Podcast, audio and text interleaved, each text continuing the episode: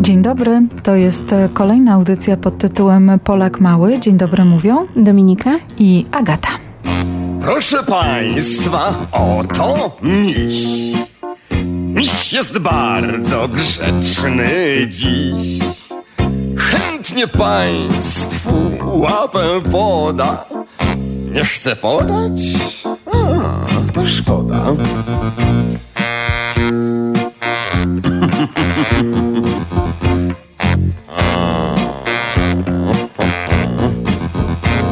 Rudy ojciec, rudy dziadek, rudy ogon. To mój spadek, a ja jestem rudy lis.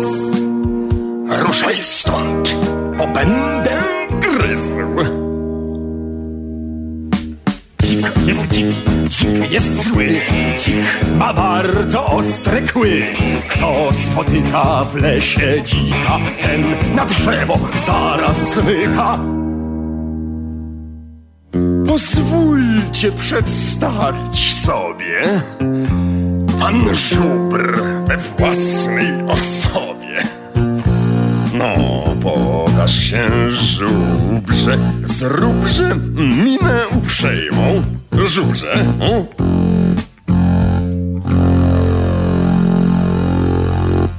A dzik jest dzik, dzik jest zły. Dzik ma bardzo ostre kły. Kto spotyka w lesie dzika, ten na drzewo zaraz smyka. Dzik jest dzik, dzik jest zły, dzik ma bardzo ostre kły. Kto spotyka w lesie dzika, ten na drzewo zaraz smyka. Małpy skaczą niedościgle, małpy robią małpie figle. Niech pan spojrzy na pawiana. Co za małpa? Proszę pana. Dzik jest dziki, dzik jest zły, dzik ma bardzo ostre kły.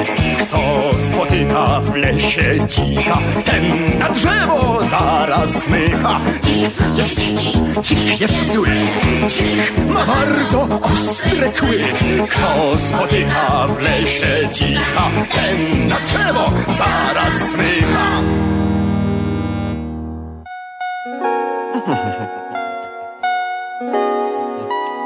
Bardzo trudno mi jest orzec, czy to ptak, czy nosorożec.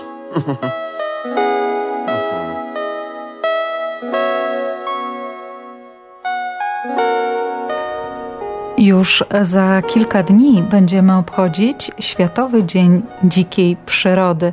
Czy możesz nam, Dominiko, opowiedzieć o tym święcie?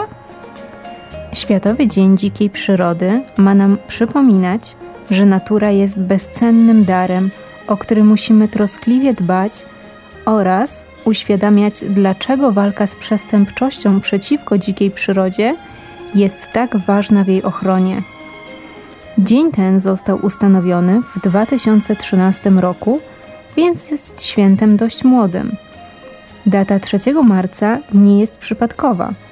Tego dnia w 1973 roku podpisano bardzo ważny dokument Konwencję o międzynarodowym handlu dzikimi zwierzętami i roślinami gatunków zagrożonych wyginięciem. W skrócie nazywany Konwencją Waszyngtońską lub CITES. Dokument ten wszedł w życie w wielu krajach, innymi w Kanadzie, w Stanach Zjednoczonych czy w Szwecji już w 1975 roku. Polska podpisała konwencję nieco później, bo w 1989 roku. A czego dotyczy ten dokument?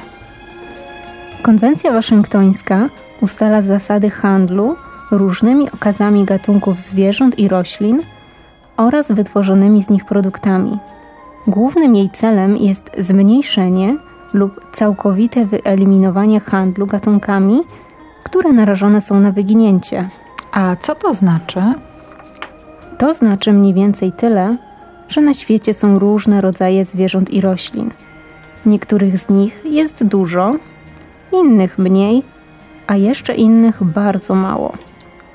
Jeśli każdy człowiek mógłby zabrać do domu i kolekcjonować lub polować na zwierzęta bądź rośliny, których jest bardzo mało, prawdopodobnie bardzo szybko okazałoby się, że w naturze już ich nie ma, że wyginęły i już nigdy nie będziemy mogli ich zobaczyć na własne oczy.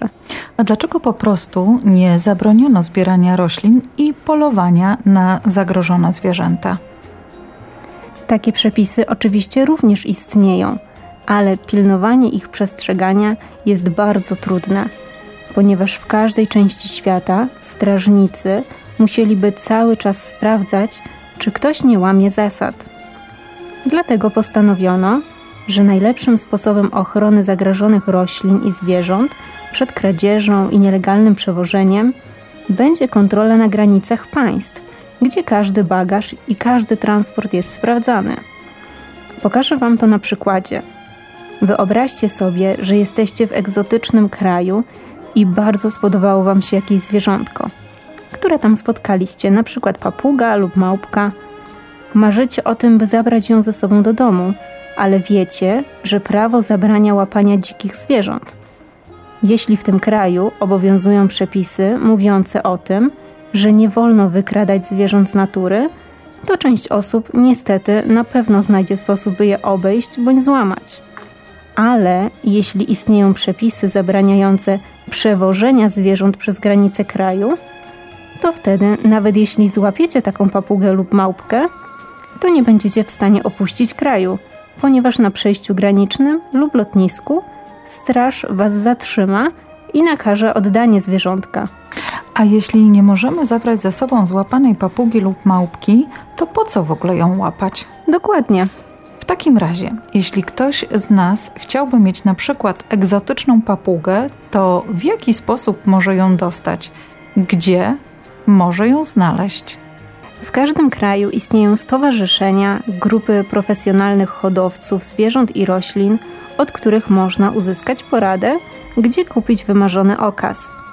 Zarejestrowane hodowle, sklepy zoologiczne oraz schroniska to najbezpieczniejsze opcje. Pamiętajcie, że większość zwierząt egzotycznych musi posiadać dokumenty rejestracyjne.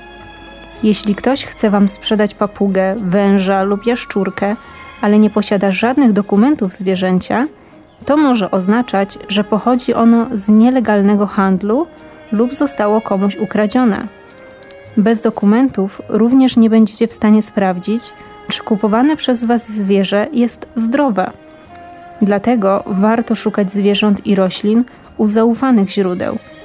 A to, jakie dokumenty egzotyczne zwierzę powinno posiadać, sprawdzicie właśnie w konwencji waszyngtońskiej, a dokładniej w jej trzech załącznikach.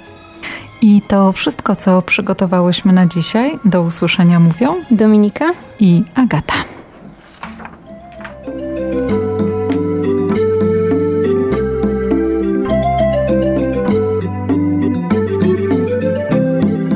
Czy morska świnka w morzu się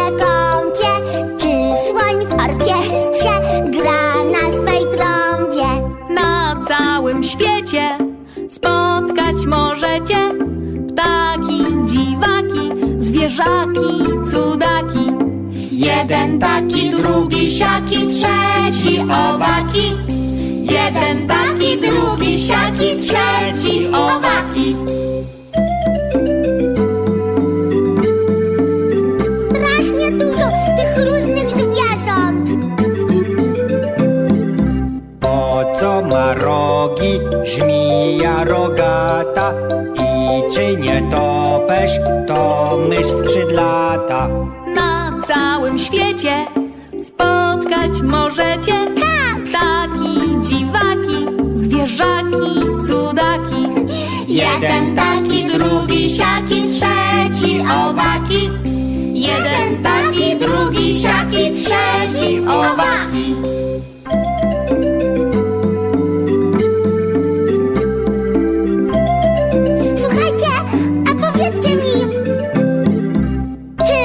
Królowej y, mieszka w pałacu?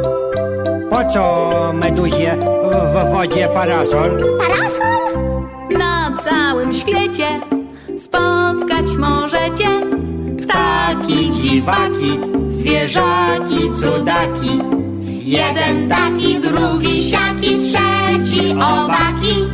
Jeden taki, drugi siaki, trzeci owaki. Jest ich całe mnóstwo. O, wiele, wiele ich jest.